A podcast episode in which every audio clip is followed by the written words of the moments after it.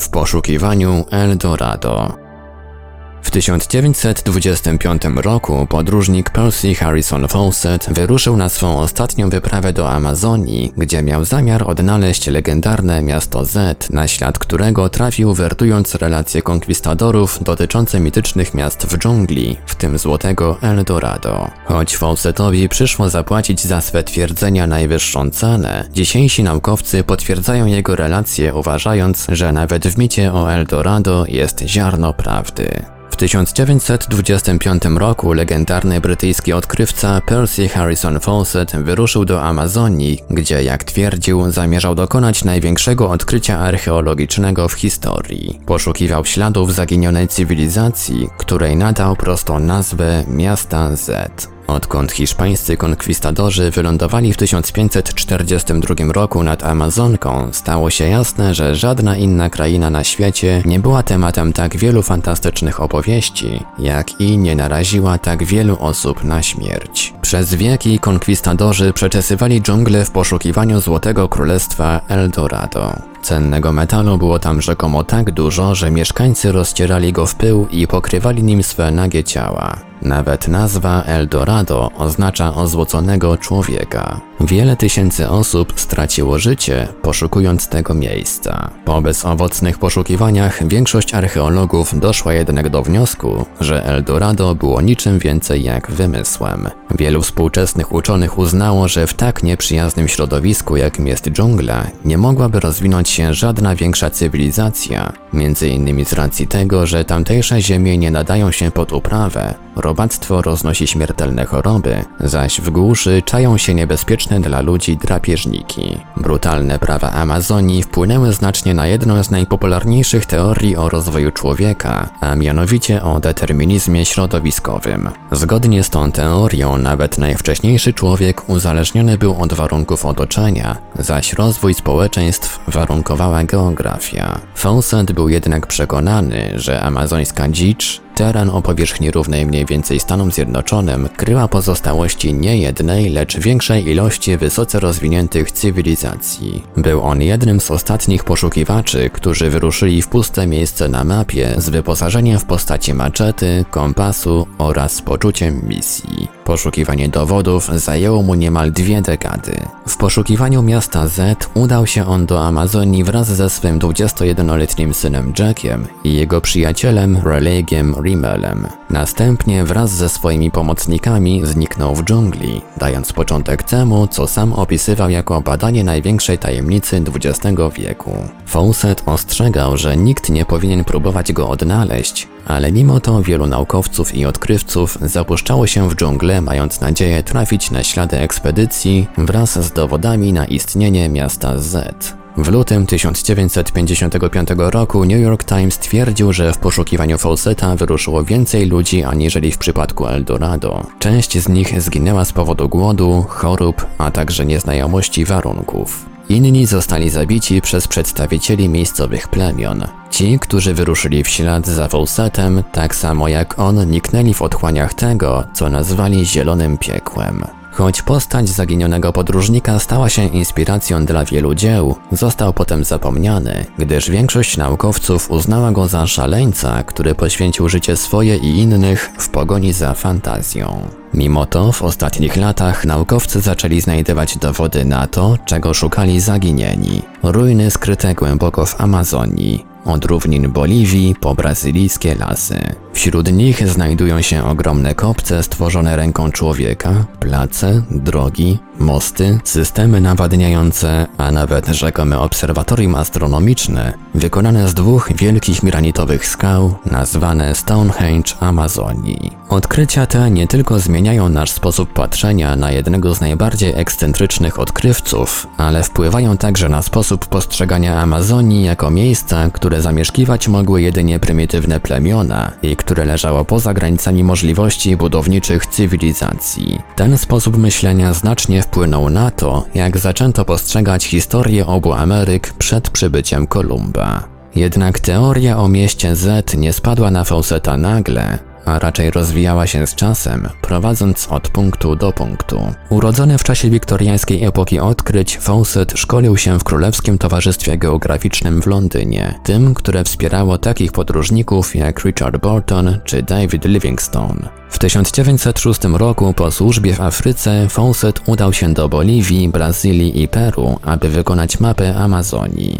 Region wciąż pozostawał niezbadany, przez co kraje nie były pewne przebiegu swych granic, które pozostawały umyślnymi liniami przecinającymi lasy i góry. W czasie tych epickich wypraw, które kosztowały życie wielu jego ludzi, Fawcett zaczął zbierać dowody na istnienie miasta Z. Przez niemalże 20 lat nawiązał kontakt z wieloma nieznanymi plemionami, dokumentując to, w jaki sposób udało im się wypracować idealne metody do przetrwania w dżungli, będąc w stanie tworzyć możliwości rozwoju większych populacji, jak i też podziału pracy oraz hierarchii politycznej. Fawcett studiował również XVI i XVII wieczne kroniki poszukiwaczy Eldorado. Choć konkwistadorom nigdy nie udało się dotrzeć do Złotego Królestwa, Widzieli miasta lśniące bielą ze świątyniami, placami, palisadowymi murami i innymi tworami cywilizacji. Ponieważ późniejszym odkrywcom nigdy nie udało się już trafiać na ślady podobnych osad, ani też większych skupisk ludności, uznano, że opisy Eldorado były zwykłym produktem wybujałej wyobraźni zdobywców Nowego Świata. Kiedy jednak Fawcett wspiął się na kopiec ziemi wznoszący się ponad równinami Boliwii,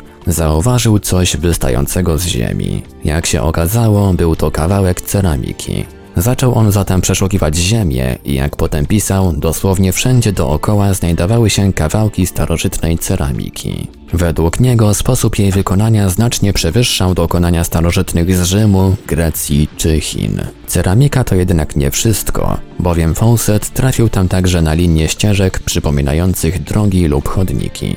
Fawcett nadal jednak starał się nadać sens swym znaleziskom. Idea istnienia w amazońskiej dżungli zaawansowanej cywilizacji kontrastowała bowiem z dwoma paradygmatami, które przeważały w etnologii od czasu, gdy biały człowiek zetknął się z Indianami. Choć część konkwistadorów była pod wrażeniem cywilizacji, jaką wypracowali, wielu teologów debatowało, czy Indianie są w ogóle ludźmi i pochodzą od Adama i Ewy. W połowie XVI wieku Juan Guinness de Sepulveda, hiszpański dominikanin i teolog, twierdził, że rdzenni mieszkańcy Ameryki to półludzie, których należy traktować jak naturalnych niewolników. Krytykiem takiego podejścia był Bartolom de la Casas, dominikanin, który również podróżował po obu Amerykach. W swej debacie z Sepulvedą, jak i słynnych traktatach, starał się on udowodnić równość białego człowieka i Indian. Mimo to jego poglądy przyczyniły się do uznania ich za dumnych niewolników. Według Lacasasa Indianie byli najprostszymi ludźmi na świecie, nieznającymi zła. Fawcett również dawał wyraz swym rasistowskim opiniom, opisując Indian w sposób im uwłaczający. Starał się także ciągle porównać to, co widział na własne oczy z tym, czego go nauczono. Był również pewien, że Amazonia i jej ludy nie były do końca tymi, za których ich uważano. Zbyt wiele dowodów wskazywało na to, że dżungla była niegdyś centrum wielkiej cywilizacji. Po zniknięciu Fawcetta wielu naukowców nie wierzyło w jego teorie. Co prawda Aztekowie czy Inkowie byli w stanie wznosić niezwykłe miasta, które jawnie przeczyły teoriom o ich niższym poziomie. Jednak Amazonia była uważana za zbyt nieprzyjazne środowisko dla istnienia rozwiniętych społeczności. Potem jednak sprawy zaczęły toczyć się inaczej. Po tym jak archeolodzy zignorowali Amazonię twierdząc, że nie znajduje się tam nic, mała grupa rewizjonistów zaczęła odwiedzać region. W przeciwieństwie do swych poprzedników, byli oni wyposażeni w specjalistyczne narzędzia, w tym radary penetrujące grunt, zdjęcia satelitarne oraz urządzenia pozwalające im na lokalizowanie pogrzebanych w ziemi przedmiotów. To, co odnaleźli, było niemal jak trzęsienie ziemi, jak to określił jeden z badaczy. Ciągu ostatnich kilku lat grupa badaczy pod przewodnictwem Michaela Heckenbergera odnalazła ponad 20 prekolumbijskich osad w rejonie Singu, tym samym obszarze, gdzie według Fawcetta leżeć miało miasto Z i gdzie on sam zaginął. Stanowiska te nosiły ślady osadnictwa w okresie od około IX do XV wieku naszej ery. Wśród odkryć znajdowały się m.in. domy, place czy przecinające się pod jednym kątem drogi, co mówiły legendy, które przywoływał Fawcett. Zgodnie z opinią naukowców, każda z osad była domem dla grupy 2000 do 5000 osób, co oznacza, że większe z osad dorównywały wielkością wielu średniowiecznym miastom europejskim.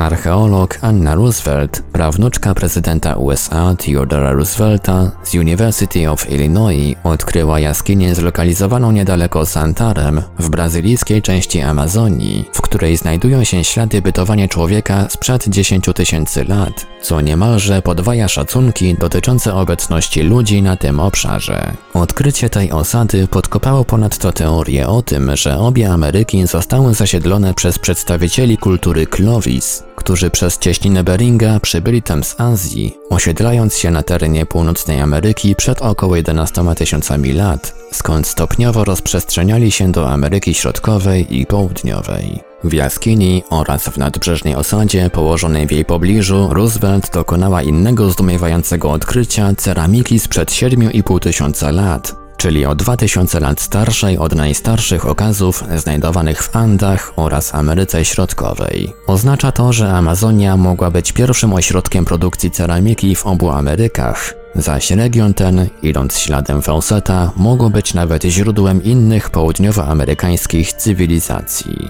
Opierając się na zdjęciach satelitarnych, naukowcy zaczęli również natrafiać na ogromne kopce z ziemi wykonane ręką człowieka, jak i ścieżki. Clark Erickson, antropolog z University of Pennsylvania, który zajmował się wykopaliskami w Boliwii, mówi, że kopce te pozwalały mieszkańcom Amazonii na uprawę roślin w czasie corocznych wylewów rzeki. Struktury te stworzono ogromnym nakładem pracy, gdyż należało przetransportować tony ziemi, zmienić bieg rzeki, wykopać kanały, jak i połączyć siecią komunikacyjną okoliczne osady. Zatem w pewien sposób amazońskie kopce można porównać pod względem wkładu do egipskich piramid, twierdzi uczony.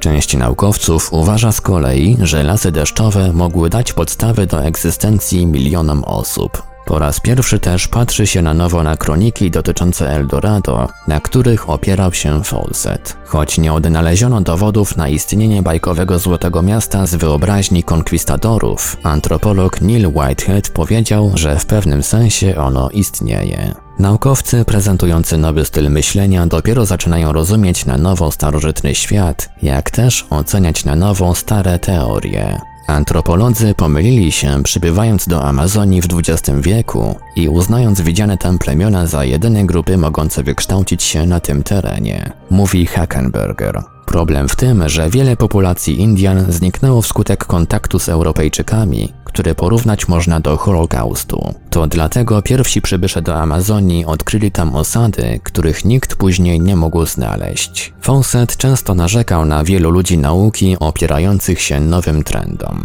Mówił o swej wizji wielkiej kultury, która narodziła się w Amazonii, skąd promieniowała do innych części kontynentu, zanim pochłonęła ją dżungla.